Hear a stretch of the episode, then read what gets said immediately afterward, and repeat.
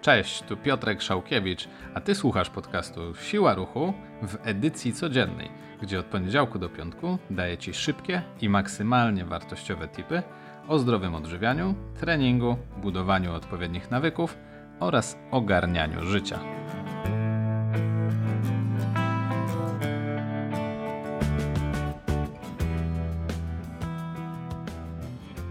Cześć, witam Cię w 28 odcinku podcastu Siła Ruchu. Dzisiaj porozmawiamy o micie dużo powtórzeń na rzeźbę, mało powtórzeń na masę. Dowiesz się z niego, jaki wpływ na rozpowszechnianie tego mitu mieli kulturyści. Pokrótce powiem Ci, czym jest separacja mięśniowa i dlaczego nie do końca warto zaprzątać sobie tym głowę. Dlaczego warto rozróżniać trenujących amatorsko, czyli około 90% osób trenujących na siłowni, od osób zajmujących się sportami sylwetkowymi zawodowo. A na koniec powiem Ci, jak w takim razie podejść do treningu, kiedy chcesz wyrzeźbić swoją sylwetkę, a jak kiedy chcesz zwiększyć masę mięśniową. Czym to się różni? Podam Ci bardzo prosty schemat, który nakieruje Cię na odpowiednie toki postrzegania swojego planu treningowego i jak go ułożyć. Więc zapraszam do wysłuchania. Skąd w ogóle wziął się mit dużo powtórzeń na rzeźbę, mało powtórzeń na masę? No, oczywiście od osób, które mówiły o tym głośno i po których sylwetce można było wnioskować, że wiedzą co mówią tak bym to ujął. No, jeśli po kimś widać, że ma jakieś efekty, to jest on pewnego rodzaju autorytetem. Zaczyna w naszych oczach uchodzić za osobę, która się zna. A ze względu na to, że dobrze wyglądające osoby kiedyś, w większości wypadków to były osoby ze świadka kulturystycznego. I są to osoby często dosyć mocno medialne. A za tym idzie ich głos, czy to w social mediach, czy w innych środkach przekazu jest dosyć głośny. Ze względu na to, że właśnie znowuż mają duży autorytet, dużą rzeszę odbiorców. Na szczęście to już się powoli zmienia i nie tylko osoby startujące na przykład właśnie w zawodach sylwetkowych zaczynają mieć coraz więcej do powiedzenia i mieć coraz większe rzesze odbiorców, tylko też osoby, które rzeczywiście mają doświadczenie w pracy z drugim człowiekiem, a nie tylko nad e, swoim ciałem. Jak w takim razie kulturyści doszli do postrzegania, że dużo powtórzeń to jest na rzeźbę, mało powtórzeń to jest na masę? Wynika to z kilku czynników. Mianowicie kłamstwo przekazywane e, przez y, długie lata w pewnym momencie zaczyna być prawdą i ludzie zaczynają bardzo mocno w to wierzyć. I oczywiście to nie jest też tak, że ktoś chciał na początku już skłamać i, i kogoś prowadzić w błąd. Bardziej wynika to tak naprawdę właśnie z niewiedzy i z błędnego postrzegania tego, co rzeczywiście działa, a co nie. I teraz tak, w, bardzo odległych czasach, za czasów Arnolda Schwarzeneggera chociażby, którego myślę, że wszyscy kojarzą, może nie do końca wszyscy z jego epizodu mm, kulturystyki, ale taki faktycznie był, no i świetnie wyglądał, wszyscy uważali go za jakiegoś rodzaju ikonę. Wtedy tak się trenowało. Treningi trwały po 3-4 godziny, y, z reguły do e, wymiotów wręcz, szczególnie w momencie, kiedy chciało się osiągnąć maksymalną formę na zawody, więc wtedy z tego, co ja sam oglądałem dokumenty o Arnoldzie, e, on tam wypowiadał się, że ten zakres powtórzeń w jego wypadku to był często 30-40, właśnie w tym modelu na rzeźbę tak zwanym, czyli tuż przed zawodami. Chodziło tutaj o to, żeby, żeby maksymalnie odseparować od siebie mięśnie, żeby były jak najlepiej widoczne oczywiście na zawodach. I to jest połowiczna tylko racja, ze względu na to, że nie wszystkie partie mięśniowe będą na tego typu trening na separację, tak to nazywając, dobrze reagować. Niektóre będą reagować lepiej, a niektóre gorzej. Jest to uzależnione od partii mięśniowej i tego, z jakich włókien mięśniowych ona się głównie składa, bo no mamy mnóstwo mięśni na swoim ciele i można podzielić włókna mięśniowe na szybko kurczliwe i wolno kurczliwe. Niektóre partie mięśniowe będą miały więcej włókien wolno kurczliwych, niektóre więcej szybko kurczliwych. Oczywiście poprzez trening siłowy możemy tą proporcję zamienić, ale ostatecznie i tak mm, któreś będą przeważać bądź nie. Więc z tego to wynika. Druga sprawa, że tego typu trening, no ze względu na to, że właśnie trwał 3-4 godziny często, był na bardzo wysokim tętnie, ze względu na to, że tam było mnóstwo powtórzeń, generował też bardzo wysoki deficyt kaloryczny. Więc w momencie, kiedy był wysoki deficyt kaloryczny, z automatu też ten poziom tkanki tłuszczowej zjeżdżał w dół, czyli uwydatniał mięśnie i też można powiedzieć w cudzysłowie z automatu dochodziło do tej separacji mięśnia, czyli było widać oddzielenie się mięśnia od drugiego, jakby to tak obrazowo opowiadając. Stąd właśnie pochodzi ten mit, czyli dużo powtórzeń na rzeźbę, a mało powtórzeń na masę, czyli jak taki kulturysta był na okresie masowym, to wykonywał mniejszą liczbę powtórzeń, ponieważ to znowuż pobudzało do hipertrofii mięśnia, czyli do zwiększenia jego objętości, no a taki też był cel, żeby być cały czas większym.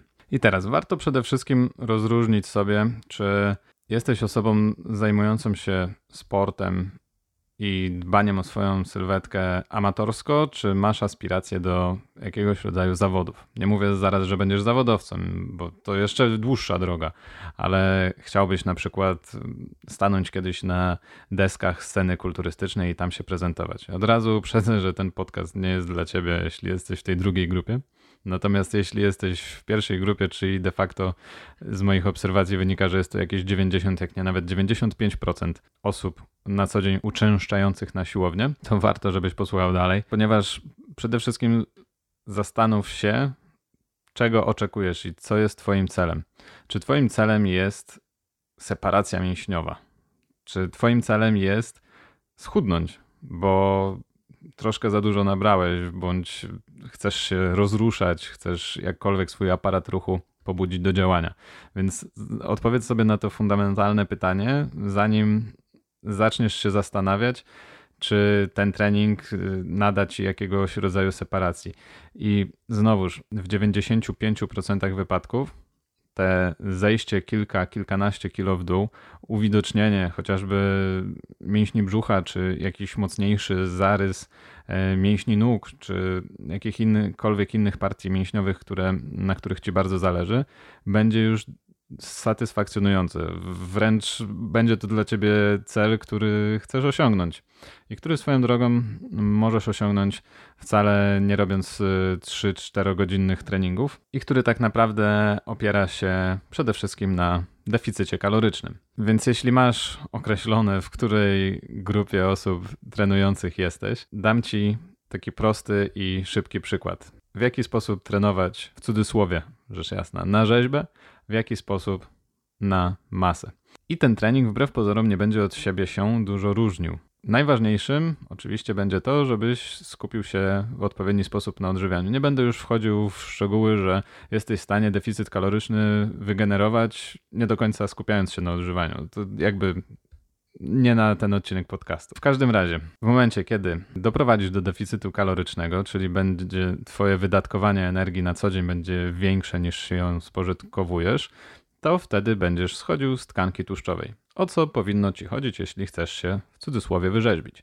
Dodatkowo warto, żeby ten proces przyspieszyć, warto zwrócić uwagę, żeby twoje treningi były na troszkę wyższym tętnie. Tutaj możesz skupić się bardziej na jakiegoś rodzaju seriach łączonych, gdzie ten zakres powtórzeń nadal może być powiedzmy między 8, 12 a powiedzmy 15 powtórzeń, gdzie znowuż ten zakres powtórzeń będzie hipertroficzny, czyli taki, który będzie pobudzał Twoje mięśnie do rozrostu, a Ty przez to, że wykonujesz więcej ćwiczeń w jednej serii bądź na wyższym tętnie, pobudzasz swój organizm do wyższego wysiłku, a co za tym idzie, do pogłębiania deficytu kalorycznego. To oczywiście tak skrótowo mówiąc. Jesteś w stanie jednocześnie połączyć w taki sposób swój trening i skonstruować w taki sposób swój trening, żeby z jednej strony skupiać się na tym, żeby nadal był rozrost tego mięśnia, a z drugiej strony, żeby generować możliwie maksymalny deficyt kaloryczny.